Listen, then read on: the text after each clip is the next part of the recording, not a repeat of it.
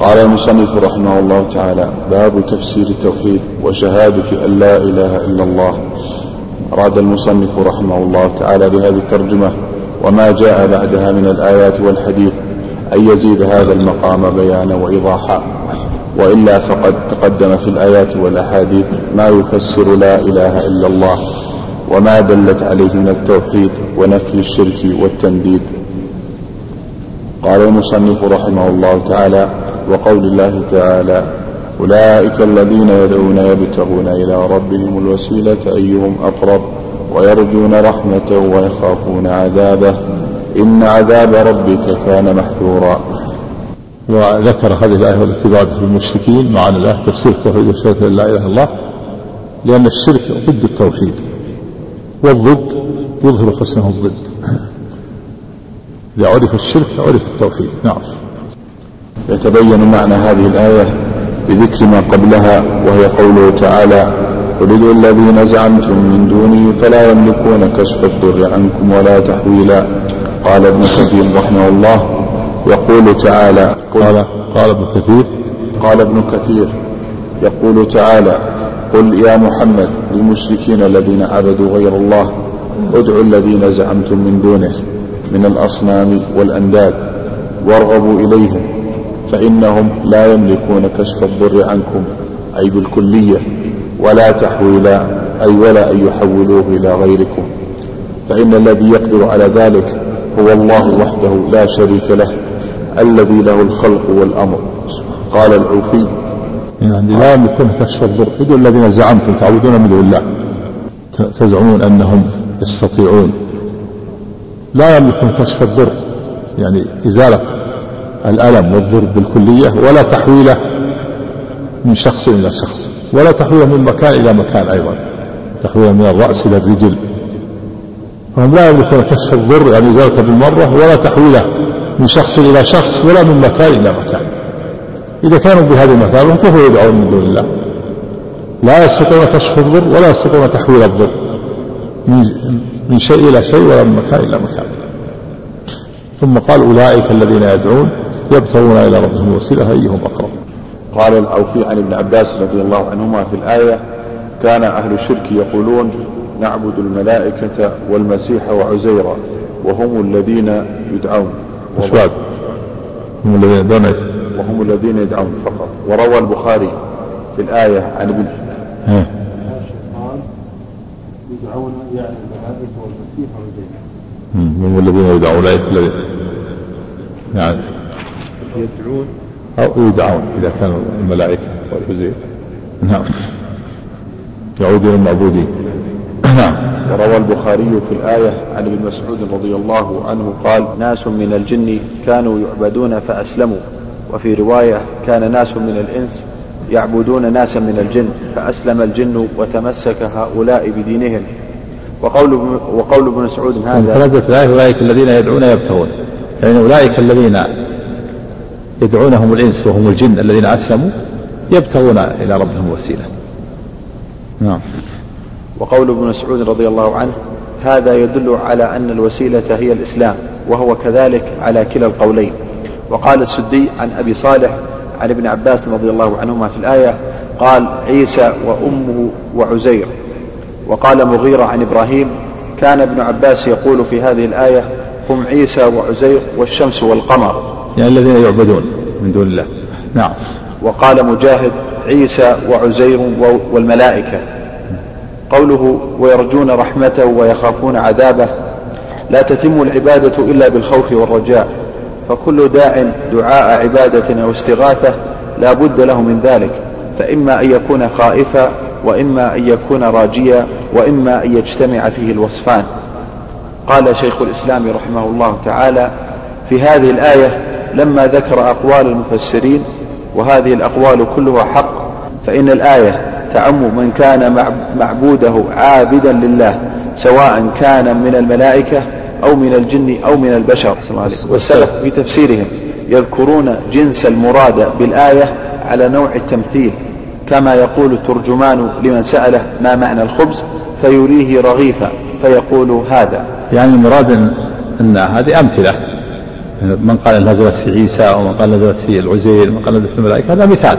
وليس أن خاصة بعيسى والعزير تعم كل من عبد من دون الله فهو عابد لله يشمله مثل كان يأتي رجل أعجمي يسأل عن الخبز. فيأتي المترجم ويأتي له بخبز ويقول هذا الخبز. ليس المراد أن الخبز ما فيه إلا هذا المراد هذا مثال للخبز. هذا نوع من الخبز. هذا من باب المثال. كذلك لما يقول بعض السلف نزلت في عيسى أو نزلت في عزير المراد مثال. وإلا الآية تشمله وتشمل غيره. تشمل كل من عبد أحدا من دون الله وهو يعبد الله. ومن أمثلة ذلك عبادة الملائكة من يعبد الملائكة من يعبد المسيح من يعبد الزي والآية تشمل وتشمل غيره. فالإشارة إلى نوعه لا إلى عينه وليس مرادهم بذلك تخصيص نوع دون نوع مع شمول الآية. فالآية خطاب لكل من دعا من لكل من دعا من دون الله مدعوا وذلك المدعو يبتغي إلى الله الوسيلة ويرجو رحمته ويخاف عذابه فكل من دعا ميتا أو غائبا من الأنبياء والصالحين سواء كان بلفظ الاستغاثة أو غيرها فقد تناولته هذه الآية. كما تتناول من دعا الملائكة والجن فقد نهى الله تعالى عن دعائهم وبين أنهم لا يملكون كشف الضر عن الداعين ولا تحويله لا يرفعونه بالكلية ولا يحولونه من موضع إلى موضع كتغيير صفته أو قدره ولهذا قال ولا تحويلا فذكر نكرة تعم أنواع التحويل. يعني ولا أي تحويل تحويل من شخص إلى شخص تحويل من مكان إلى مكان تحويله من كونه قويا إلى كونه أقل تحويله من صفة إلى صفة. تحويله من قدر إلى قدر عام لأن نكرة في ساقنا يتعب أي تحويل؟ وإذا كانوا كذلك كيف يدعون من دون الله؟ لا يملك كشف الضر ولا يملك تحويله من حي إلى حي فكيف يدعى من دون الله وهو بهذه المثل عاجز. ما يملك كشف الضر ولا تحويله كيف يدعى من دون الله كيف يعبد من دون الله؟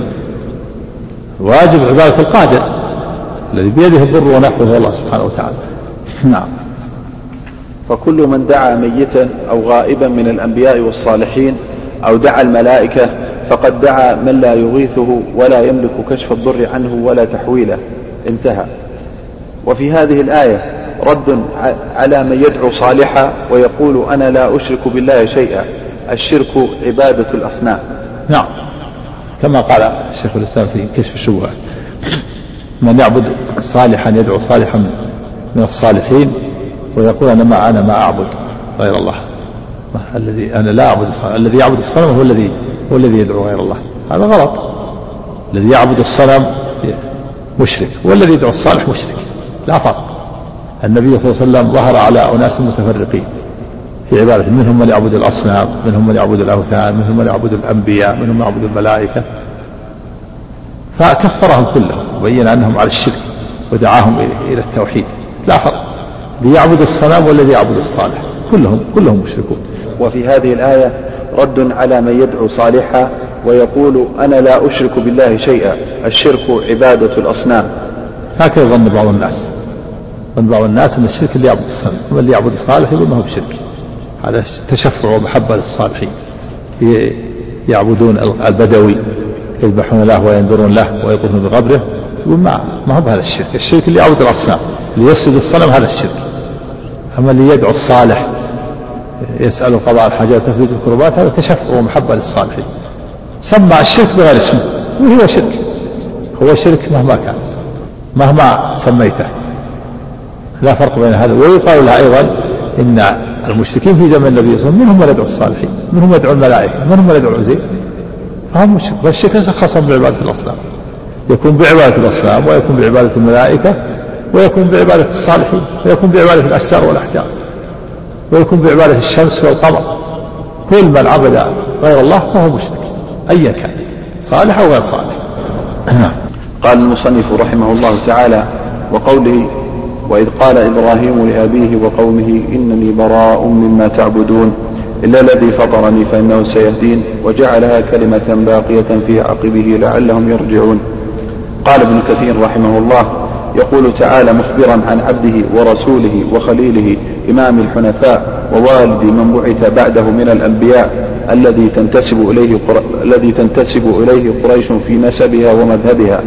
إنه تبرأ من أبيه وقومه في عبادتهم في عبادته والد من بعث من الأنبياء لأن جميع الأنبياء الذين بعثوا بعد إبراهيم كلهم من سلالته جميع الأنبياء الذين ولدوا بعده من سلالة إبراهيم. ما في نبي إلا من ذريته. قال الله تعالى وجعلنا في ذريته النبوة والكتاب. في ذرية إبراهيم. النبوة والكتاب. الكتب المنزل كتاب مراد الجنس لأن الله تعالى رزقه ابنان رزقه رزقه الله ابنين إسماعيل وإسحاق وهما نبيان كريمان فإسماعيل من ذريته نبينا محمد صلى الله عليه وسلم إسماعيل الأب الثاني للعرب وإسحاق أنجب يعقوب ويعقوب هو إسرائيل وجميع أنبياء بني إسرائيل كلهم سلة يعقوب. الذين آخرهم عيسى عليه الصلاة والسلام. كل أنبياء بني إسرائيل من سلالة يعقوب بن إسحاق من إبراهيم. ونبينا صلى الله عليه وسلم من سلالة إسماعيل بن إبراهيم. وهؤلاء الأنبياء هم الذين أنزل الله عليهم الكتاب.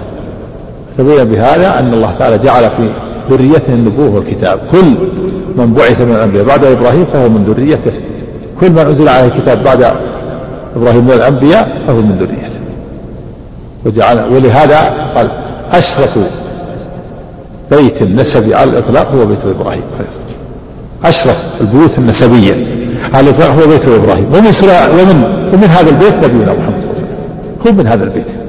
هو من بيت إبراهيم. لأنه سلالته قال ابن كثير يقول تعالى مخبرا عن عبده ورسوله وخليله إمام الحنفاء ووالد من بعث بعده من الأنبياء الذي تنتسب إليه قريش في نسبها ومذهبها. إنه تبرأ من أبيه وقومه في عبادتهم الأوثان فقال إنني براء مما تعبدون إلا الذي فطرني فإنه سيهدين. وهذا هو معنى كلمة التوحيد لا إله إلا الله. إنني براء هذا النفي. النفي وال إلا الذي فطرني هذا الإثبات. فمعنى إنني براء مما تعبدون إلا, إلا إنني براء مما تعبدون إلا الذي فطرني هو معنى لا إله إلا الله. لأنه لا ليس هناك توحيد إلا بنفي وإثبات. لابد من الأمرين نفي وإثبات. فالنفي هذا الكفر بالطاغوت وهو البراءة من كل معبود سوى الله. والإثبات هذا هو الإيمان بالله. لا بد من الأمرين. إنني براء مما تعبدون هذا الكفر بالطاغوت وهذا النفي. إلا الذي فطرني هذا التوحيد والإيمان بالله. وهذا ما لا إله لا إله هذا إنني براء مما تعبدون يساويها. إلا الله ويساوي إلا الذي فطره. نعم. وجعلها كلمة باقية في عقبه أي هذه الكلمة وهي عبادة الله وحده لا شريك له وخلع ما سواه من الأوثان وهي لا إله إلا الله جعلها في ذريته يقتدي فيها يقتدي به فيها من هداه الله من ذرية إبراهيم عليه الصلاة والسلام لعلهم يرجعون أي إليها. قال عكرمة ومجاهد والضحاك وقتادة والسدي وغيرهم في قوله وجعلها كلمة باقية في عقبه يعني لا إله إلا الله لا يزال في ذريته من يقولها. وروى ابن جرير عن قتادة إنني براء مما تعبدون إلا الذي فطرني قال إنهم يقولون إن الله ربنا ولئن سألتهم من خلقهم ولئن سألتهم من خلقهم ليقولن الله. فلم يبرأ فلم يبرأ من ربه. إيش؟ وروى ابن جرير. وروى ابن جرير عن قتادة. إنني براء مما إنني براء مما تعبدون إلا الذي فطرني. قال إنهم يقولون إن الله ربنا ولئن سألتهم من خلقهم ليقولن الله فلم يبرأ من ربه. وهذا هو وهذا هو إيمانهم بالربوبية توحيدهم بالربوبية هو بالله وأنه الخالق الرازق المدبر وهو نوع من التوحيد. هذا ما ما تبرأ منه إبراهيم إنما تبرأ من شركهم وعبادة لغير الله. نعم. وروى ابن جرير وابن المنذر عن قتادة وجعلها كلمة باقية في عقبه قال الإخلاص والتوحيد لا يزال في ذريته من يعبد الله ويوحده. قلت فتبي فتبين أن معنى لا إله إلا الله توحيد الله بإخلاص العباد له والبراءة من كل ما سواه. قلت. قلت فتبين أن معنى لا إله إلا الله توحيد الله بإخلاص العباد له والبراءة من كل ما سواه. إيه، توحيد الله بإخلاص العبادة. عبادة. ها؟ العبادة بالتاء. صايفة عندك بإخلاص العبادة. فتبين أن معنى لا إله إلا الله توحيد الله بإخلاص العبادة له والبراءة من كل ما سواه. قال المصنف وذكر سبحانه أن هذا البراء أن, هذا أن هذه البراءة وهذه الموالاة هي شهادة أن لا إله إلا الله. وفي هذا المعنى يقول العلامة ابن القيم قال قال المصنف. قال المصنف. قال المصنف قال المصنف وذكر سبحانه أن هذه البراءة وهذه الموالاة هي شهادة أن لا إله إلا الله. نعم. هذا يعني هو يعني معنى كلمة التوحيد. الذي براء مما إلا الذي فضله هو معنى كلمة التوحيد. نعم. جعل هذه الكلمة. نعم.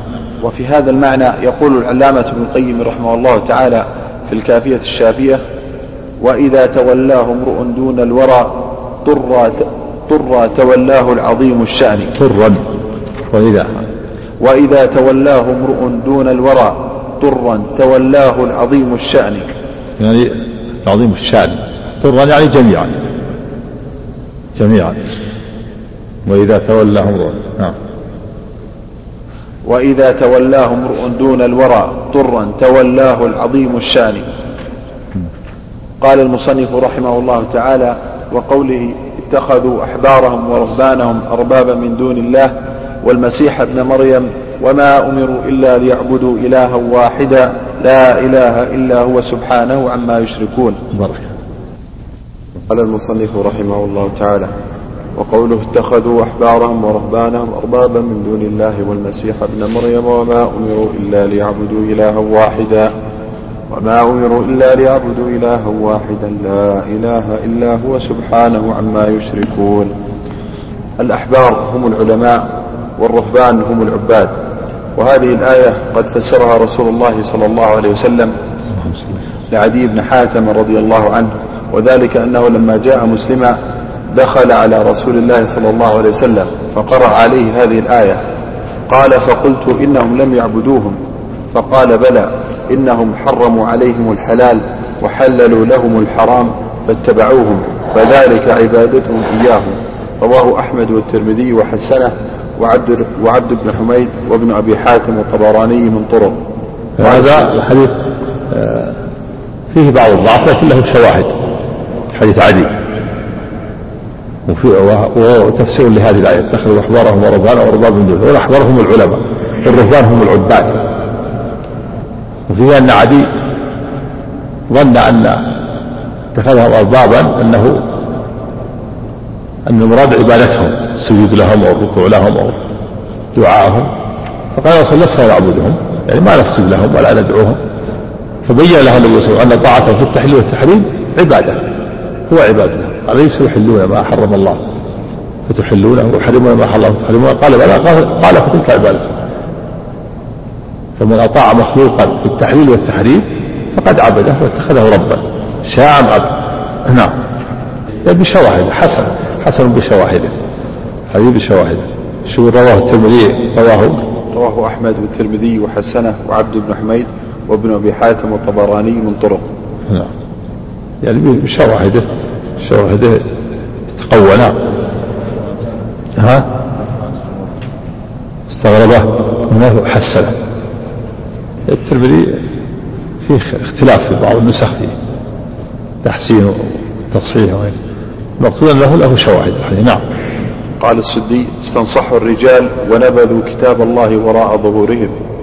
ولهذا قال تعالى وما أمروا إلا ليعبدوا إلها واحدا لا إله إلا هو سبحانه عما يشركون فإن الحلال ما أحله الله والحرام ما حرمه الله والدين ما شرعه الله تعالى.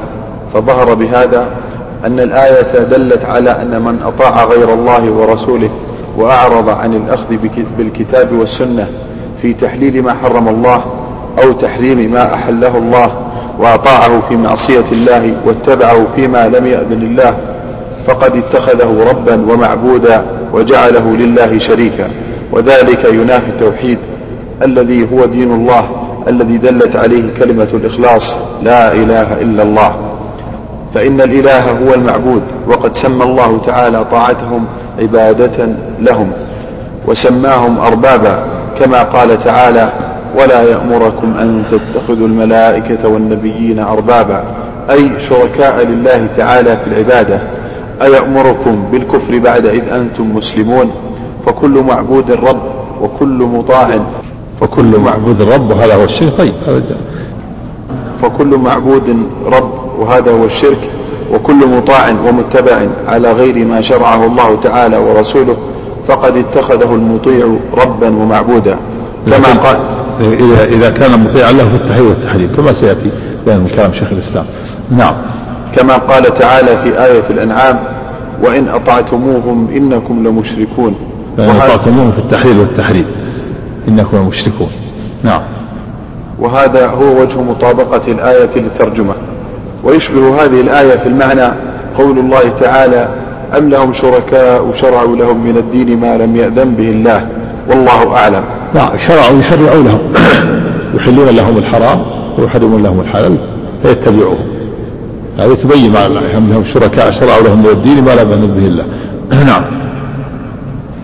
قال شيخ الإسلام رحمه الله في معنى قوله اتخذوا أحبارهم ورهبانهم أربابا من دون الله وهؤلاء الذين اتخذوا أحبارهم ورهبانهم أربابا حيث أطاعوهم في تحليل ما حرم الله وتحريم ما أحل الله يكونون على وجهين. أحدهما أن يعلموا أنهم بدلوا دين الله فيتبعونهم على التبديل. أحدهما. أحدهما. أن إيه. يعلموا إيه. أنهم بدلوا دين الله. فيتبعوا. فيتبعوا الأصل فيتبعوا لكن تأتي النون أحيانا على على قلة. يتبعوا بحذف النون لأنه معطوف على أن يعلموا. نعم. أن يعلموا أنهم بدلوا دين الله فيتبعوه كل نسخ هكذا فيتبعونهم. يتبعون فيتبعون إيش؟ فيتبعون على هذا التبديل فيتبعون أو فيتبعوهم بدون بدون النون هذا أفصح لكن تجوز النون على قله نعم. أحدهما أن يعلموا أنهم بدلوا دين الله فيتبعوهم على التبديل فيعتقد لا تمشي على مكان على النسخه نعم. يتبعونهم نعم. فيتبعونهم على التبديل فيعتقدون تحليل ما حرم الله وتحريم ما أحل الله اتباعا لرؤسائهم مع علمهم أنهم خالفوا دين الرسل فهذا كفر. وقد جعله الله ورسوله شركا وإن لم يكونوا يصلون لهم ويسجدون لهم فكان من اتبع غيره في خلاف الدين مع علمه أنه خلاف للدين واعتقد ما قاله واعتقد ما قاله ذلك دون ما قاله الله ورسوله مشركا مثل هؤلاء. الثاني أن يكون اعتقادهم وإيمانهم بتحريم الحرام وتحليل الحلال ثابتا لكنهم أطاعوهم في معصية الله. كما يفعل المسلم ما يفعله من المعاصي التي يعتقد أنها معاصي. فهؤلاء لهم حكم أمثالهم من أهل الذنوب كما قد ثبت عن النبي صلى الله عليه وسلم أنه قال إنما الطاعة في المعروف. نعم هذا التفصيل لا بد منه التفصيل لا بد منه. وأن أنهم إن اتبعوهم يعلمون إذا كانوا يعلمون أنهم بدلوا الدين واتبعوه التحليل والتحريم واعتقدوا أن لهم حق التحليل والتحريم هذا كفر وردة. أما إذا اتبعوهم في المعصية ويعلم أن أن التحريم والتحليل لله لكن اتبعوا في المعصية طاعة للشيطان هذا عاصي. والعصاة مثل ما يفعل المعاصي. يتبعوا الملوك في المعاصي حتى حتى إيش؟ يسلموا من من من شرهم أو حتى يحصل على شيء من رفتهم يتبع الملك في المعاصي ولا يبالي حتى يأخذ ما يأتيه من رفد من الرفد من الملوك والوزراء وغيرهم. يتبعهم ولا ينكر عليهم المنكر إذا شربوا الخمر أو فعلوا كذا المعاصي حتى يأكل ويستفيد منهم ويعلم أنهم عصاة لكن أطاعهم طاعة طاعة للهوى وافقهم طاعة للهوى فهذا عاصي. أما إذا كان لا يعلم أنهم بدلوا الدين ويعتقد أن لهم حق التشريع وأنه يجوز لهم أن يحللوا ويحرموا وأطاعوا في التحليل والتحريم هذا ردة على الإسلام. نعم. لابد من التفصيل هذا. فطاعة العلماء والأحبار والرهبان إن كان طاعة في التحليل والتحريم هذا هو الشرك. وإن كان طاعة في المعصية لا في التحليل والتحريم هذا معصية. نعم. ثم ذلك المحرم للحلال والمحلل للحرام. إن كان مجتهدا قصده اتباع الرسول صلى الله عليه وسلم لكن خفي عليه الحق في نفس الأمر وقد اتقى الله ما استطاع فهذا لا يؤاخذه الله بخطئه. بل يثيبه على اجتهاده الذي أطاع به ربه. ولكن من علم أن هذا أخطأ فيما جاء به الرسول ثم اتبعه على خطئه وعدل عن قول الرسول فهذا له نصيب من هذا الشرك الذي ذمه الله. لا سيما إن اتبع في ذلك هواه ونصره باليد واللسان مع علمه بأنه مخالف للرسول. فهذا شرك يستحق صاحبه, صاحبه العقوبة عليه. نعم يعني إذا كان الإنسان الذي حلل وحرر مجتهد مجتهد ما بلغه الدليل وهذا فهم فهم من هذا النص أنه يفيد التحليل أنه يريد تحليل مثلا الصورة أو تحليل كذا أو تحليل نوع من أنواع الربا. هذا اللي فهم هذا مبلغ فهم. ومجتهد بذل وسعى لكن ظهر له من هذا النص أنه يفيد حل هذا النوع من أنواع الربا مثلا. هذا يكون مجتهد. له أجر على الاجتهاد. لكن أنت إذا علمت أنه مخطئ فليس لك أن تتبعه هو مجتهد له أجر. وأنت إذا علمت أنه مخطئ لا تتبعه. فإن تبعته وأن تعلم أنه على خطأ ونصرته باليد وباللسان ودافعت عنه مع علمك أنه يخالف الكتاب والسنة فهذا نوع من الشرك. ليس لك أن توافق. هو يكون معلوم وأنت غير معلوم. لأنه ما تبين له الحق. هذا هذا مبلغ علمه اجتهد. على حسب ما أتاه الله من من الاجتهاد وظن وصل إلى أن هذا النوع من الربا وأنه حلال.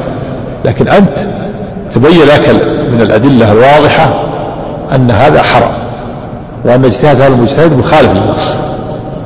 ليس لك أن تتبعه. فإذا تبعته وأنت تعلم هذا فأنت لك, لك نصيب مما قال الله فيهم اتخذوا أحبارهم وأربانهم وأربابا من دون الله. نعم. وهذا يستحق التأديب والردع وقد يكون وقع في الشرك في هذه الحالة المتبع. أما المجتهد هذا له على حسب ما ورد في النصوص. إن اجتهد فأصاب فله أجران وإن اجتهد فأخطأ فله أجر. نعم. يقول إذا اجتهد الحاكم فأصاب فله أجران وإن اجتهد فأخطأ فله أجر. ولهذا اتفق العلماء على أنه إذا عرف الحق لا يجوز تقليد أحد في إذا عرف الحق. لا يجوز له يعني تقليد أحد فيه. نعم.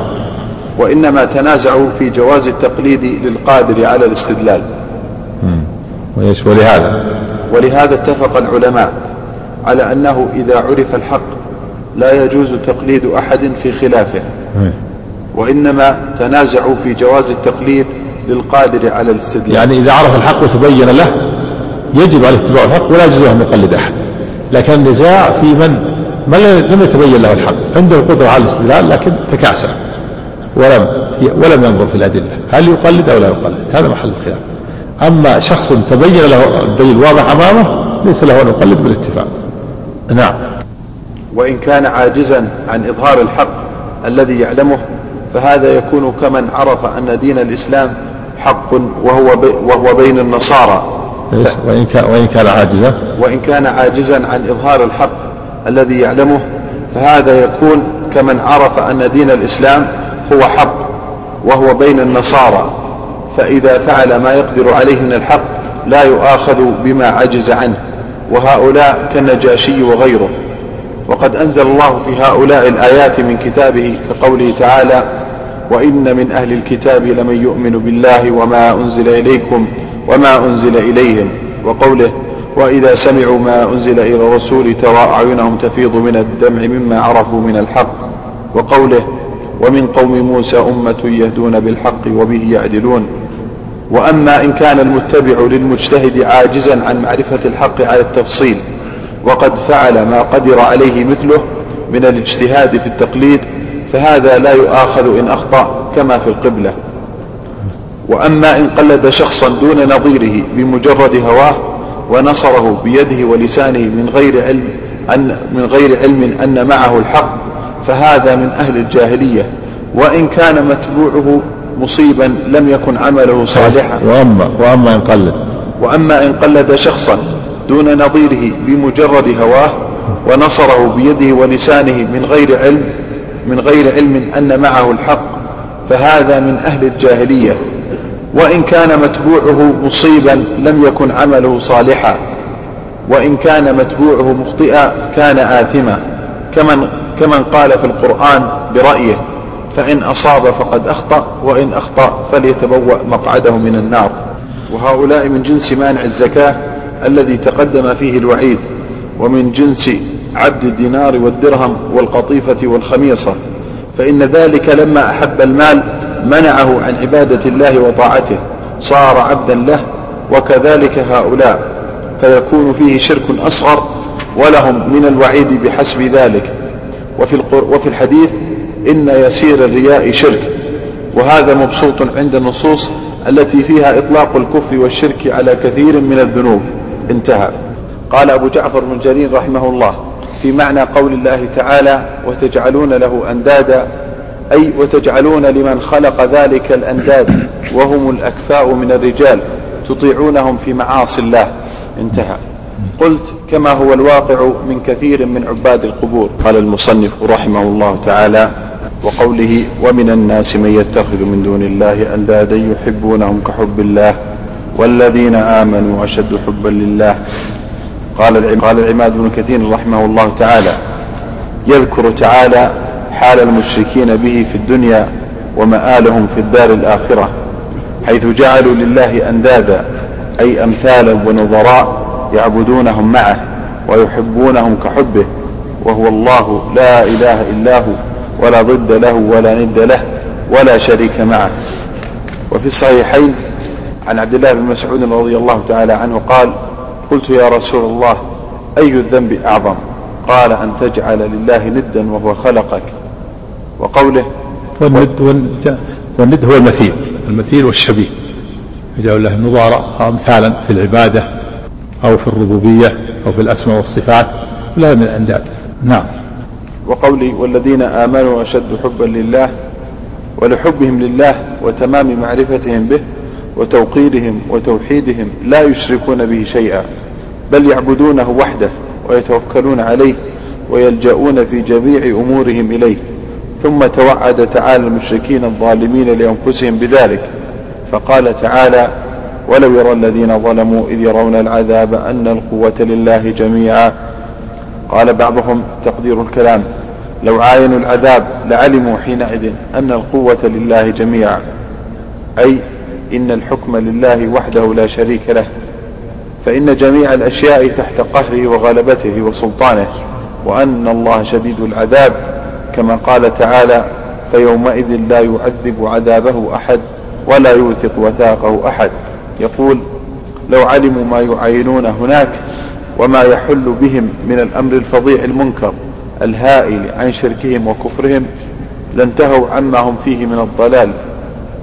ثم أخبر عن كفرهم بأوثانهم وتبرؤ المتبوعين من التابعين فقال اتبرأ الذين اتبعوا من الذين اتبعوا. تبرأت منهم الملائكة الذين كانوا يزعمون أنهم كانوا يعبدونهم في الدنيا.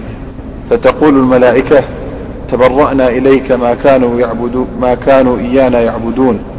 ويقولون سبحانك أنت ولينا من دونهم بل كانوا يعبدون الجن أكثرهم بهم مؤمنون.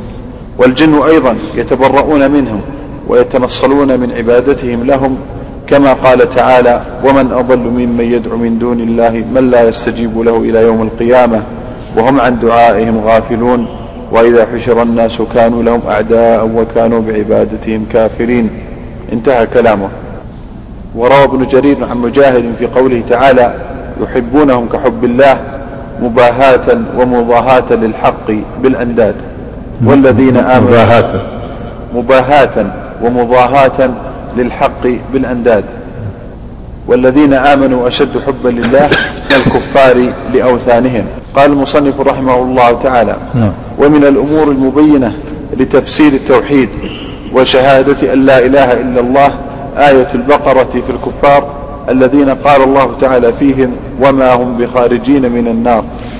ذكر أنهم يحبون أندادهم كحب الله فدل على أنهم يحبون الله حبا عظيما. نعم. يحبون لكن مع يشركون مع الله في حب الأنداد. يحبون الأنداد ويحبون الله. فمحبتهم لله مشتركة نصفها لله ونصفها للأنداد. فهم يحبون الله حبا عظيما ويحبون أنداده لكن لما أشركوا بطلت هذه المحبة. نعم. ذكر أنهم يحبون أندادهم كحب الله فدل على أنهم يحبون الله حبا عظيما فلم يدخلهم في الإسلام. فكيف بمن أحب الند أكبر من حب الله؟ فكيف بمن لم يحب إلا الند إلا, الند وحده؟ انتهى. يعني درجات. المشركين درجات. الدرجة الأولى المرتبة الأولى أنه يحب أندادهم ويحبون الله. يحب الند ويحب الله متساويان يحب الند كما يحب الله. الثاني أنه يحب الند أكثر من محبة الله. المرتبة الثالثة أنه لا يحب إلا الند. أعظم. وأعظم وكلهم مشركون. نعم. ففي الآية بيان أن من أشرك مع الله في المحبة فقد جعله شريكا لله في العبادة واتخذه ندا من دون الله. نعم. والمعنى معنى أنه أشرك بالمحبة يعني أحبه محبة محبة عبادة تعظيم. تستلزم محبة تستلزم الخوف والرجاء والطاعة هذه محبة العبادة. الآية بيان أن من أشرك مع الله في المحبة فقد جعله شريكا لله في العبادة واتخذه ندا من دون الله وأن ذلك هو الشرك الذي لا يغفره الله كما قال تعالى في أولئك وما هم بخارجين من النار وقوله ولو يرى الذين ظلموا إذ يرون العذاب المراد بالظلم هنا الشرك كقوله ولم يلبسوا إيمانهم بظلم كما تقدم. أي بالشرك ولو يرى الذين ظلموا يرون العذاب أن القوة يعني الذين ظلموا أنفسهم بالشرك. يعني ولو يرى الذين أشركوا.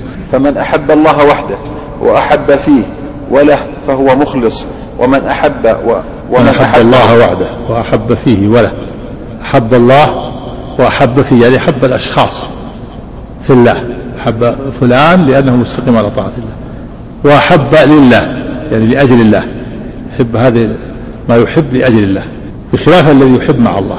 في محبة محبة في الله ومحبة لله ومحبة مع الله. محبة في الله يعني يحب الأشخاص لأجل الله. ومحبة لله يحب ما يحبه من شخص أو فعل أو حكم لله من أجل الله. أما من أحب مع الله هذه هذه محبة. شرك أشرك مع الله غيره. أحب الله وأحب معه غيره. نعم. فمن أحب الله وحده وأحب فيه وله فهو مخلص. ومن أحبه وأحب معه غيره فهو مشرك. كما نعم. قال تعالى هذا اللي أحب مع الله. نعم. كما قال تعالى يا أيها الناس اعبدوا ربكم الذي خلقكم والذين من قبلكم لعلكم تتقون الذي جعل لكم الأرض فراشا والسماء بناء وأنزل من السماء ماء فأخرج به من الثمرات رزقا لكم فلا تجعلوا لله أندادا وأنتم تعلمون. قال شيخ الإسلام رحمه الله ما معناه؟ فمن رغب إلى غير الله في قضاء حاجة أو تفريج كربة لزم أن يكون محبا له ومحبته هي الأصل في ذلك. انتهى. إيش؟ قال شيخ الإسلام. قال شيخ الإسلام رحمه الله ما معناه؟ فمن رغب إلى غير الله في قضاء حاجة أو تفريج كربة لزم أن يكون محبا له ومحبته هي الأصل في ذلك. انتهى. نعم وهذا إذا كان إذا كان تفريج الكربة والحاجة لا يقدر عليها إلا الله. معناه لزم من ذلك أن يكون أحبة مع الله محبة شركية. أما إذا طلب منه تفريج كربة وهو يقدر عليها بيده أسباب هذه من الأمور العادية. نعم. فكلمة الإخلاص لا إله إلا الله تنفي كل شرك تنفي كل شرك في أي نوع كان من أنواع العبادة وتثبت العبادة بجميع أفرادها لله تعالى. الله أكبر. كلمة إيش؟ فكلمة التوحيد. فكلمة الإخلاص لا إله إلا الله تنفي كل شرك في أي نوع كان من أنواع العبادة وتثبت العبادة بجميع أفرادها لله تعالى. وقد تقدم بيان أن الإله هو المألوه الذي تألهه القلوب بالمحبة أو غيرها من أنواع العبادة. فلا إله إلا الله نفت ذلك كله عن غير الله وأثبتته لله وحده. فهذا هو الذي دلت عليه كلمة الإخلاص مطابقة. فلا بد من معرفة معناها واعتقاده وقبوله والعمل به باطنا وظاهرا والله أعلم. نعم معرفة معناها. لا إله إلا الله وأن تنفي العبادة وعبادته لله. لا بد من معرفة معناها وقبوله. يقبل هذا ويعتقد وينقاد. نعم فلا بد. فلا بد من معرفة معناها واعتقاده وقبوله والعمل به باطنا وظاهرا نعم. والله أعلم. كل هذه الأمور معرفة المعنى وقبوله والعمل له. يعني يعرف المعنى وأنه مجتمع على النفي والإثبات. ولا بد أن يعتقد بقلبه أن الله هو مستحق العبادة يعرف المعنى واعتقاده وقبوله يقبل هذا ويعمل له. أربعة أمور معرفة المعنى واعتقاده وقبوله والعمل له. يعرف أن معنى لا إله إلا الله أن تنفي العبادة ولا تنفي غير الله. ويعتقد هذا أن الله هو مستحق العبادة ويقبل هذا. وينقاد يعمل لهذا بمعنى أنه لا يعبد إلا الله. ويتبرأ من عبادة ما سوى الله. المطابقة دلت الشيء على جميع معناه. يعني هذه الأمور مجتمعة كلها. يعني دلت على معنى كلمة التوحيد واعتقاده وقبوله والانقياد له. لكن دلالته على واحد من هذه الأربع هذه بالتضمن إذا دلت كون كون كلمة التوحيد تدل على المعنى أو على الاعتقاد أو على القبول أو على العمل هذا جزء جزء المعنى. هذا التضمن. التضمن دلالة الشيء على بعض معناه والمطابقة دلالة الشيء على جميع معناه فدلالته على هذه الأمور الأربعة مطابقة. ودلالته على واحد منها أو على الاثنين أو على ثلاثة تضمن. ودلالته على شيء خارج عنها هذا هذا يسمى الاستزاد قال ابن القيم رحمه الله تعالى فتوحيد المحبوب ألا يتعدد محبوبه أي مع الله تعالى بعبادته له. وتوحيد الحب ألا يبقى في قلبه بقية حب حتى يبذلها له. فهذا الحب وإن سمي عشقا فهو غاية صلاح العبد ونعيمه وقرة عينه. وليس لقلبه صلاح ولا نعيم إلا بأن يكون الله ورسوله أحب إليه من كل ما سواهما وأن يكون محبته لغير الله تابعة لمحبة الله تعالى فلا يحب إلا الله كما في الحديث الصحيح ثلاث من كن فيه الحديث. نعم. ومحبة رسول الله صلى الله عليه وسلم هي من محبته ومحبة المرء إن كانت لله فهي من نعم محبة الرسول من محبة الله. نعم ومحبة المرء. ومحبة المرء إن كانت لله فهي من محبته وإن كانت لغير الله فهي منقصة لمحبة الله مضعفة لها. نعم محبة, محبة الإنسان إن كانت لله فهي تابعة لمحبة الله. وإن كانت لغير الله صارت تنقص الإيمان وتضعفه كان يحب المال أو الولد أو المسكن ويقدمها على محبة الله هذا ضعف في الإيمان كما قال سبحانه قل إن كان آباؤكم وأبناؤكم وإخوانكم وأزواجكم وعشيرتكم وأموال اقترفتموها وتجارة تخشون كسادها ومساكن ترضونها أحب إليكم من الله ورسوله وجهاد في سبيله فتربصوا حتى يأتي الله بأمره والله لا يهدي القوم الفاسقين. إذا قدم محبة واحد من هذه الأصناف الثمانية على محبة الله هذا فسق. نعم. ويصدق هذه المحبة بأن تكون كراهيته لأبغض الأشياء إلى محبوبه وهو الكفر بمنزلة كراهته لإلقائه في النار أو أشد. ويصدق. ويصدق هذه المحبة بأن تكون كراهيته لأبغض الأشياء إلى محبوبه وهو الكفر بمنزلة كراهته لإلقائه في النار أو أشد. ولا ريب أن هذا من أعظم المحبة فإن الإنسان لا يقدم على محبة نفسه شيئا. فإذا قدم محبة الإيمان بالله على نفسه بحيث لو خير بين الكفر وإلقائه في النار لاختار أن يلقى في النار ولا يكفر كان أحب إليه من نفسه. وهذه المحبة هي فوق ما يجده العشاق المحبون من محبة محبوبيهم بل لا نظير لهذه المحبة كمن لا كمن لا مثل كمن لا مثل لمن تعلقت به. إيش؟ وهذه المحبة. الله عليك. لا وه... وهذه المحبة هي فوق ما يجده العشاق المحبون من محبة محبوبيهم بل لا نظير لهذه المحبة كمن لا مثل لمن تعلقت به وهي محبة تقتضي تقديم المحبوب فيها على النفس والمال والولد وتقتضي كمال الذل والخضوع والتعظيم والإجلال والطاعة والانقياد ظاهرا وباطنا. نعم تقتضي كمال الذل والخضوع والطاعة والانقياد. هذه لا بد منها. تقتضي يعني لا بد فيها من كمال الذل والخضوع والطاعة والانقياد لأوامر الله. لا بد من هذا. نعم. وتقتضي. وتقتضي كمال الذل والخضوع والتعظيم والإجلال والطاعة والانقياد ظاهرا وباطنا. وهذا لا نظير له في محبة مخلوق ولو كان المخلوق من كان.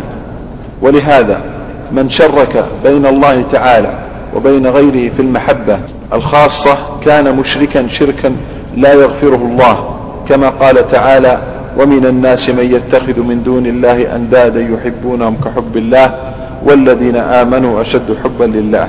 يعني المحبة الخاصة محبة محبة العبادة ومحبة الطاعة والتعظيم والانقياد والذل والخضوع. أما المحبة الطبيعية التي ليس فيها شيء من ذلك هذه لا بأس بها. محبة المال والولد والصديق نعم. والصحيح أن معنى الآية أن الذين آمنوا أشد حبا لله من أهل الأنداد لأندادهم. كما تقدم أن محبة المؤمنين لربهم لا يماثلها محبة المخلوق أصلا كما لا يماثل محبوبهم غيره. كما تقدم. أحسن عليك. كما تقدم أن محبة المؤمنين لربهم لا يماثلها محبة المخلوق أصلا كما لا يماثل محبوبهم غيره. وكل أذى في محبة غيره فهو نعيم في محبته وكل مكروه في محبة غيره فهو قرة عين في محبته ومن ضرب بمحبته الأمثال التي في محبة المخلوق للمخلوق كالوصل والهجر والتجني بلا سبب من المحب وأمثال ذلك مما يتعالى الله عنه علوا كبيرا فهو مخطئ أقبح الخطأ وأفحشه. وكل وكل.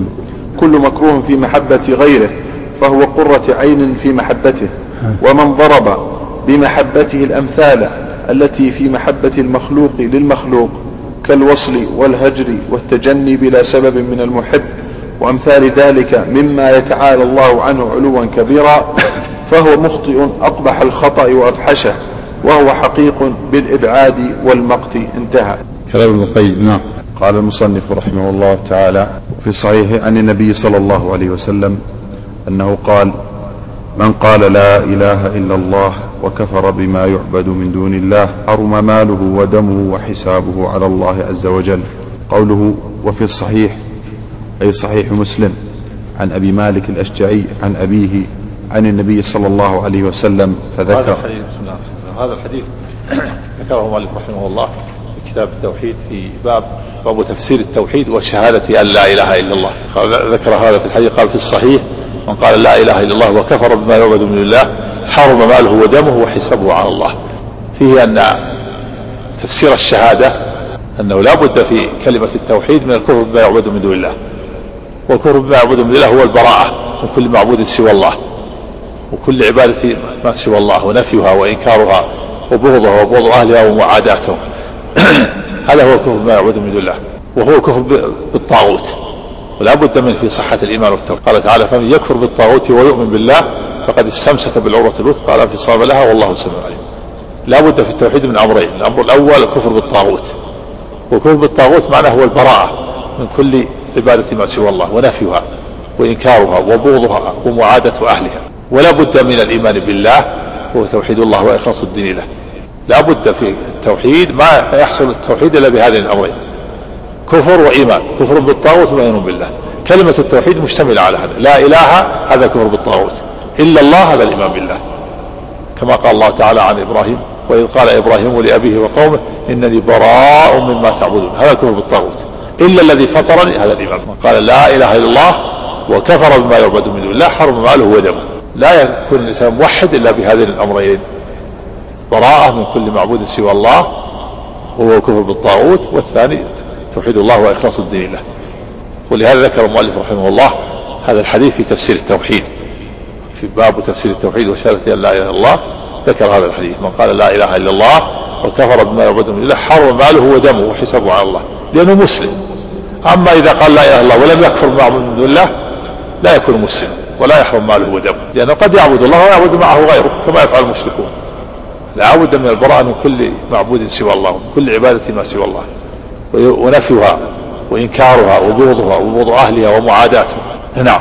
وأبو مالك اسمه سعد بن طارق كوفي ثقة مات في حدود الأربعين ومائة. وأبوه طارق بن أشيم بالمعجمة والمثنات التحتية وزن أحمر ابن مسعود الأشجعي رضي الله عنه صحابي له أحاديث. قال مسلم لم يروي عنه غير ابنه. وفي مسند الإمام أحمد عن أبي مالك قال وسمعته يقول للقوم من وحد الله وكفر بما يعبد من دون الله حرم ماله ودمه وحسابه على الله عز وجل. رواه أحمد من طريق يزيد بن هارون. قال أنبأنا أبو مالك الأشجعي عن أبيه. ورواه الإمام أحمد عن عبد الله بن إدريس. قال سمعت أبا مالك قال قلت لأبي الحديث. ورواه الحديث ورواية الحديث بهذا اللفظ يفسر لا إله إلا الله. قوله من قال لا إله إلا الله وكفر بما يعبد من دون الله. اعلم أن النبي صلى الله عليه وسلم علق عصمة المال والدم في هذا الحديث بأمرين.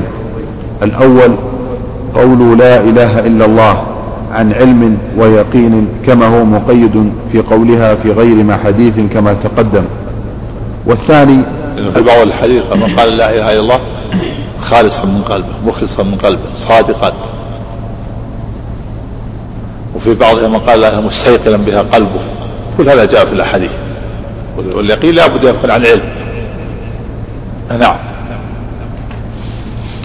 والثاني الكفر بما يعبد من دون الله.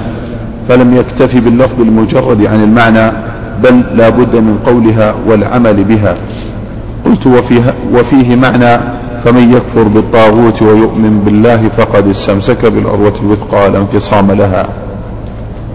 قال المصنف رحمه الله تعالى وهذا من أعظم ما يبين معنى لا إله إلا الله فإنه لم يجعل التلفظ بها عاصما للدم والمال بل لا بد مع بل ول فإنه لم يجعل التلفظ بها عاصما للدم والمال بل ولا معرفة معناها مع لفظها بل ولا الإقرار بذلك بل ولا كونه لا يدعو إلا الله وحده لا شريك له بل لا بل, بل ولا كونه. بل, بل ولا كونه. بل ولا الإقرار بذلك بل ولا كونه لا يدعو إلا الله وحده إلا الله وحده لا شريك له بل لا يحرم ماله ودمه حتى يضيف إلى ذلك الكفر بما يعبد من دون الله فإن شك أو توقف لم يحرم ماله ودمه. وهذا كلام عظيم من المؤلف رحمه الله. المؤلف يعني الشيخ محمد بن عبد الوهاب رحمة الله عليه. وفي الحديث ما جعل التلفظ بكلمة التوحيد لا إله إلا الله عاصما للدم والمال. لو قال لا إله إلا الله بمجرد اللسان ما يعصم دمه. بل حتى ولو قال لا إله إلا الله وعرف معناها ما يكفي. بل حتى ولو أقر بها. بل حتى ولو كان لا يدعو إلا الله. بل لا بد من أمر خامس وهو أن يكفر بما يعبد من الله. فإن شك وتردد لم يحرم ماله ودمه خمسة أمور. يقول لا إله إلا الله. والثاني أن يعرف معناها. والثالث أن يقر بها والرابع أن لا يدعو إلا الله ما يقع في عمل شرك والخامس أن يكفر بما يعبد من دون الله لا بد من أن يكفر بما يعبد من دون الله فإن شك أو تردد في البراءة من كل معبود سوى الله فلا محرم ماله ودمه قد يقول لا إله إلا الله وهو يعبد الأصنام والأوثان وهو يدعو غير الله مثل ما يفعل عباد القبور يقول لا إله إلا الله وهو يدعو ما ما يعرف ما يعرف الشرك. يقول لا إله إلا الله وهو يطوف حول القبر يدعو حتى ولو عرف معناها وأنه مجتمع على نفي وإثبات. وحتى ولو أقر بها. وحتى ولو كان لا يعبد إلا الله ما يدعو إلا الله لكن ما تبرأ من عبادته من كل معبود سوى الله. ما يكفي هذا كونه يتلفظ بالكلمة وكونه يعرف معناها وكونه يقر بها وكونه لا لا يعبد إلا الله لا يكفي هذا حتى يتبرأ من كل عبادة ما سوى الله. لو قال إنسان تلفظ بكلمة التوحيد وقال لا أعبد إلا الله وأقر بها و ولا يدعو إلا الله عز وجل لكنه لم يتبرأ من عبادة ما سوى الله ولم يكفر اليهود ولا النصارى. قال اليهود أو النصارى على دين ما أدري يمكن على الحق ويمكن يكون على باطل. هذا مرتد حتى يجزم ويتيقن أن اليهود على باطل. حتى يكفر اليهود. يكفر اليهود ويكفر النصارى والوثنيين ويتبرع منهم ومن عبادتهم.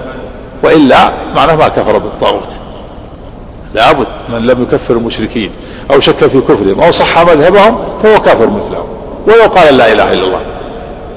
ولو أقر بها. ولو كان لا يعبد إلا الله.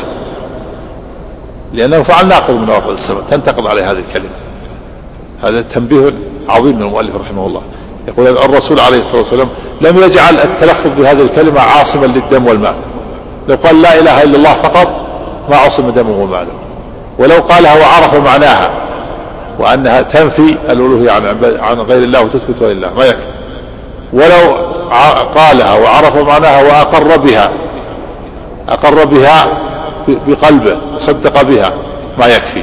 ولو كان لا يعبد إلا الله ولا ولا يفعل الشرك. ما يكفي حتى يضيف إلى ذلك أمرا خامسا وهو البراءة من كل معبود سوى الله ومن كل عبادة ما سوى الله ونفيها وإنكارها.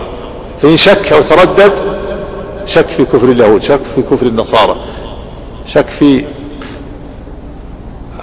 هذا المع... هذه المعبودات هل هي حق أو باطل.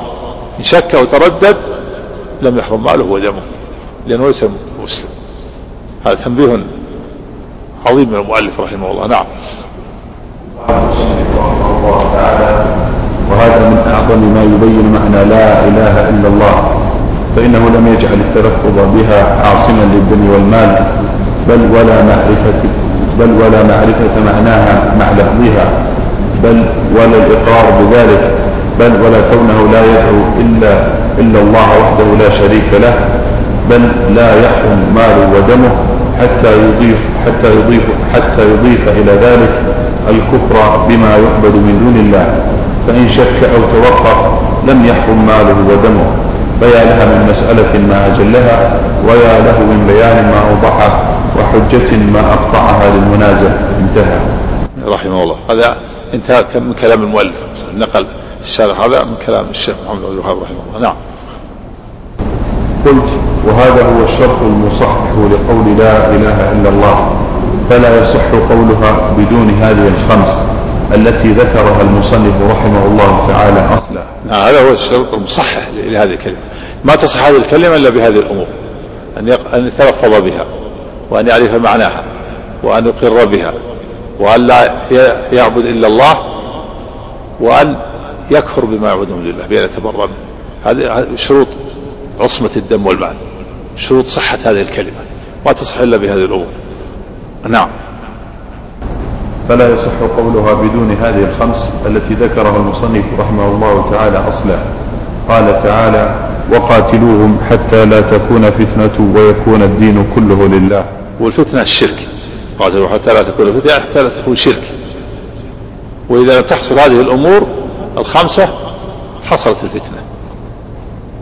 وإذا حصلت هذه الأمور الخمسة زالت الفتنة والشرك وهو الشرك. نعم وقاتلوا حتى لا تكون يعني حتى لا يكون شرك ويكون الدين لله كله لله نعم. خالصا لله نعم. وقال فاقتلوا المشركين حيث وجدتموهم وخذوهم واحصروهم. يدل على هذا الحديث قوله تعالى فليحذر الذين يخالفون عن أمره أن تصيبهم فتنة. قال الإمام أحمد أتدري ما الفتنة؟ الفتنة الشرك. لعله إذا رد بعض قوله ان يقع في قلبه شيء من الزغ فيهلك. نعم. وقال فاقتلوا المشركين حيث وجدتموهم وخذوهم واحصروهم واقعدوا لهم كل مرصد فإن تابوا وأقاموا الصلاة وآتوا الزكاة فخلوا سبيلهم. أمر بقتالهم حتى يتوبوا من الشرك ويخلصوا أعمالهم لله تعالى ويقيموا الصلاة ويؤتوا الزكاة فإن أبوا عن ذلك أو بعضه قوتلوا إجماعا. وذكر ابن كثير رحمه الله تعالى في تفسير قوله تعالى قد أفلح من تزكى فقال قال الحافظ أبو بكر البزار حدثنا عباد بن أحمد وساق بسنده عن جابر بن عبد الله رضي الله تعالى عنهما عن النبي صلى الله عليه وسلم قد أفلح من تزكى قال من شهد أن لا إله إلا الله وخلع الأنداد وشهد أني رسول الله. الحديث. وفي صحيح مسلم عن أبي هريرة رضي الله عنه مرفوعا أمرت أن أقاتل الناس حتى يشهدوا أن لا إله إلا الله ويؤمنوا بي وبما جئت به.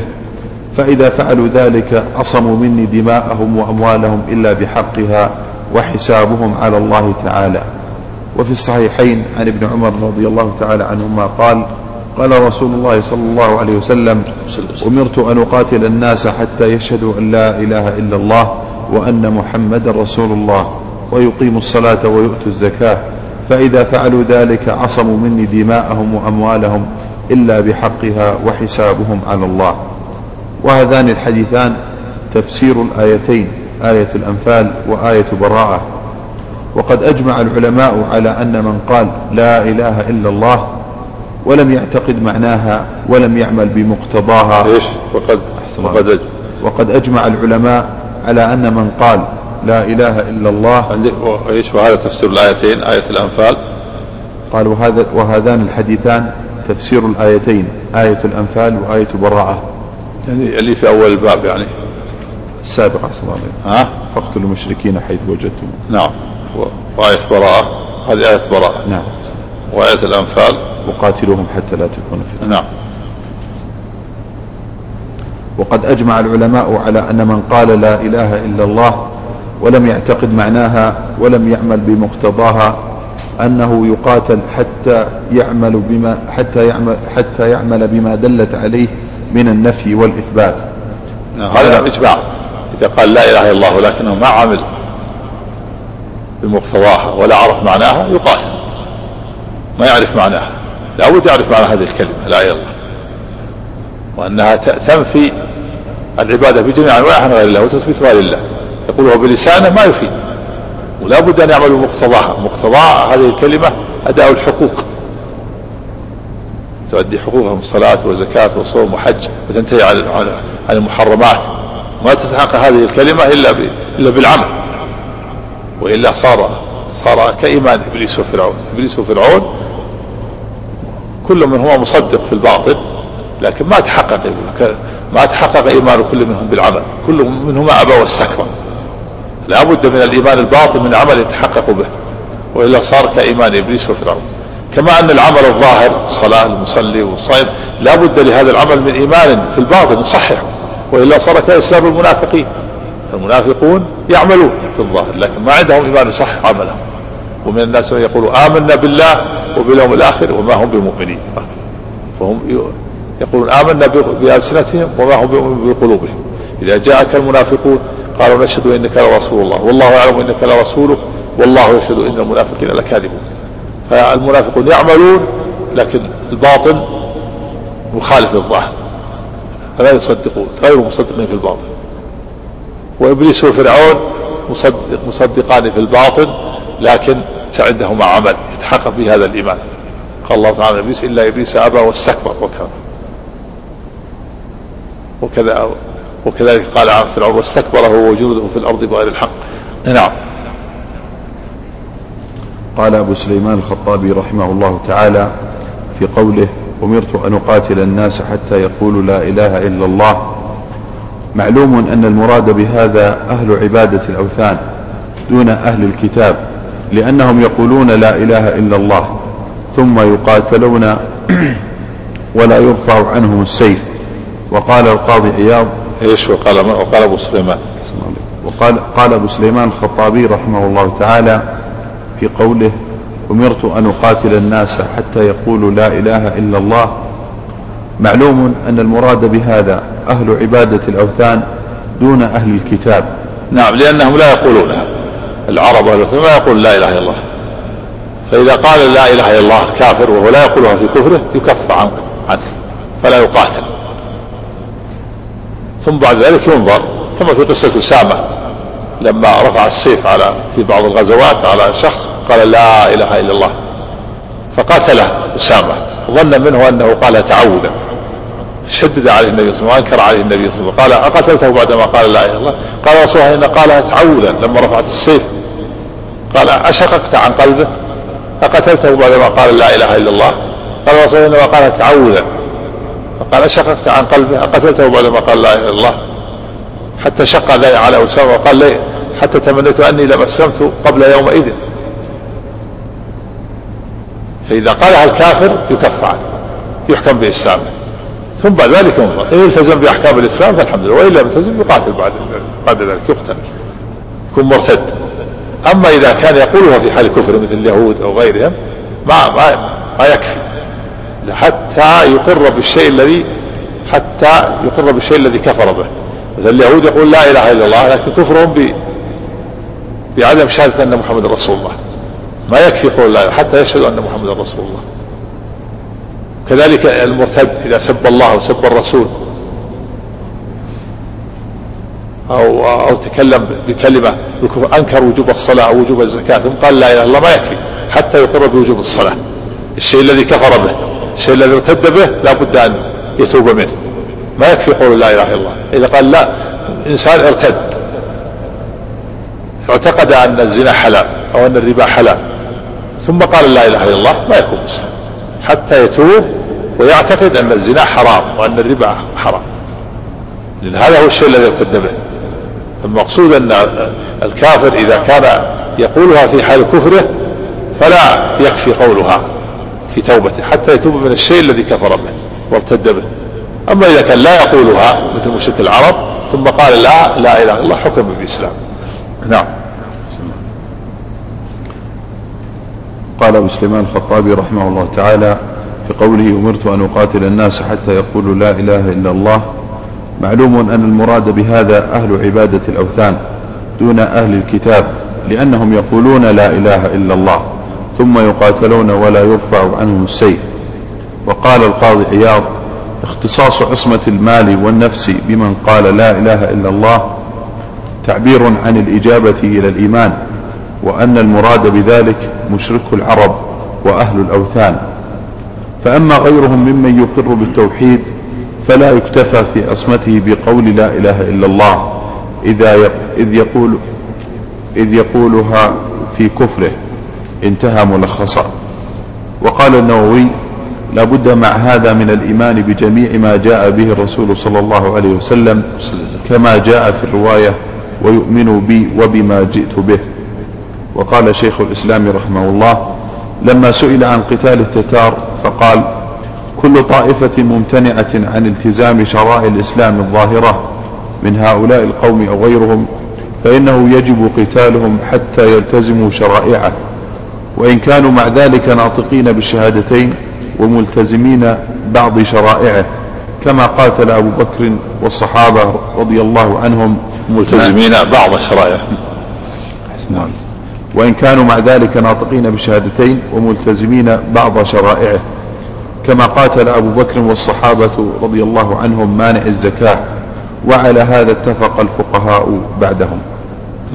قال فأيما طائفة امتنعت عن بعض الصلوات المفروضات أو الصيام أو الحج أو عن التزام تحريم الدماء أو الأموال أو الخمر أو الميسر أو نكاح ذوات المحارم أو عن التزام جهاد الكفار أو غير ذلك من التزام واجبات الدين ومحرماته التي لا عذر لأحد في جحودها أو تركها التي يكفر الواحد بجحودها فإن الطائفة الممتنعة تقاتل عليها وإن كانت مقرة بها وهذا مما لا أعلم فيه خلافا بين العلماء. يعني إذا امتنع عن الصلاة تقاتل الطائفة إذا امتنعت الطائفة عن الزكاة تقاتل كما قاتل الصحابة الذين منعوا الزكاة.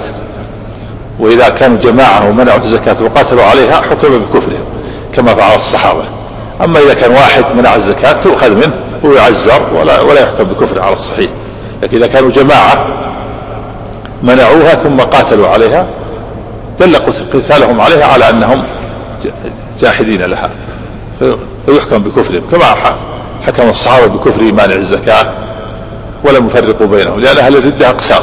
منهم من عبد الأوثان ومنهم من أنكر أن محمد رسول الله ومنهم من أقر بنبوة مسيلمة ومنهم من منع الزكاة وقاتل عليها. فقاتلهم الصحابة كلهم وسموهم مرتدين ولم يفرقوا بينهم. نعم. قال وهؤلاء عند المحققين ليسوا بغاة بل هم خارجون عن الإسلام. انتهى. قوله وحسابه على الله أي الله تبارك وتعالى هو الذي يتولى حسابه. فإن كان صادقا جازاه بجنات النعيم وإن كان منافقا عذبه العذاب الأليم. وأما في الدنيا فالحكم على الظاهر فمن أتى بالتوحيد ولم يأت بما ينافيه ظاهرا والتزم شرائع الإسلام وجب الكف عنه. قلت وأفاد الحديث أن الإنسان قد يقول لا إله إلا الله ولا يكفر بما يعبد من دون الله ولم يأت قبل قبل الصدر تصدر أحسن عليك. قوله وحسابه على الله. نعم. أي الله تبارك وتعالى هو الذي يتولى حسابه. فإن كان صادقا جازاه بجنات النعيم وإن كان منافقا عذبه العذاب الأليم. وأما في الدنيا فالحكم على الظاهر فمن أتى بالتوحيد ولم يأت بما ينافيه ظاهرا والتزم شرائع الإسلام وجب الكف عنه. مثل المنافقين. المنافقون تجرى عليهم أحكام الإسلام وبواطنهم إلى الله. لكن من أظهر منهم نفاقا قتل ومن لم تستر باسم الإسلام يعامل معاملة المسلمين كما عامل النبي صلى الله عليه وسلم المنافقين. عبد الله بن أبي رئيس المنافقين لما مات جاء النبي صلى الله عليه وسلم إليه وكما في صحيح البخاري وأخرجه من حفرته ونفث فيه من ريقه وألبسه قميصه. وألبسه قميصه وصلى عليه. فأخذ عمر لما جاء يصلي بثوبه قال تصلي. وهو منافق فقال النبي أخر عني يا عمر فإني خيرت. فقيل استغفر لهم أو لا تستغفر لهم. إن تستغفروا سبعة فلن يغفر الله لهم. ثم صلى عليه فنزلت بعد ذلك الآية. ولا تصلي على أحد منهم مات أبدا ولا تقم على قبره. إنهم كفروا بالله ورسوله وماتوا فلم يصلي على أحد بعد ذلك عليه الصلاة والسلام. نعم. من من يتلفظ بكلمات أو بألفاظ أو يأتي بعبارات تنافي الدين. إذا كانت كلمات كفرية يؤخذ بها. وإذا كانت دون ذلك يعزر. نعم. قلت وأفاد الحديث أن الإنسان قد يقول لا إله إلا الله ولا يكفر بما يعبد من دون الله ولم يأتي بما يعصم دمه وماله كما دل على ذلك الآيات المحكمات والأحاديث. قال المصنف رحمه الله تعالى وشرح هذه الترجمة ما بعدها من الأبواب قلت وذلك أن ما بعدها من الأبواب فيه ما يبين التوحيد ويوضح معنى لا إله إلا الله وفيه أيضا بيان أشياء كثيرة من الشرك الأصغر والأكبر وما يوصل إلى ذلك من الغلو والبدع مما قوله وشرع قوله. أحسن الله قال المصنف رحمه الله تعالى وشرح هذه الترجمة ما بعدها من الأبواب. قلت وذلك أن ما بعدها من الأبواب فيه ما يبين التوحيد ويوضح معنى لا إله إلا الله وفيه أيضا بيان أشياء كثيرة من الشرك الأصغر والأكبر وما يوصل إلى ذلك من الغلو والبدع مما تركه مما تركه من مضمون لا إله إلا الله. فمن عرف ذلك وتحققه تبين له معنى لا إله إلا الله. وما دلت عليه من الإخلاص ونفي الشرك وبضدها تتبين الأشياء. فبمعرفة الأصغر من الشرك يعرف ما هو أعظم منه من الشرك الأكبر المنافي للتوحيد. وأما الأصغر فإنما ينافي كماله فمن اجتنبه فهو الموحد حقا. وبمعرفة وسائل الشرك والنهي عنها لتجتنب تعرف الغايات التي نهي عن الوسائل لأجلها. وبمعرفة. وبمعرفة وسائل الشرك والنهي عنها لتجتنب تعرف الغايات التي نهي عن الوسائل لأجلها. فإن اجتناب ذلك فإن اجتناب ذلك كله يستلزم التوحيد والإخلاص بل يقتضيه. وفيها أيضا من أدلة التوحيد إثبات الصفات وتنزيه الرب تعالى عما لا يليق بجلاله. وكل ما يعرف بالله من صفات كماله وأدلة ربوبيته يدل على أنه هو المعبود وحده وأن العبادة لا تصلح إلا له وهذا هو التوحيد ومعنى شهادة أن لا إله إلا الله.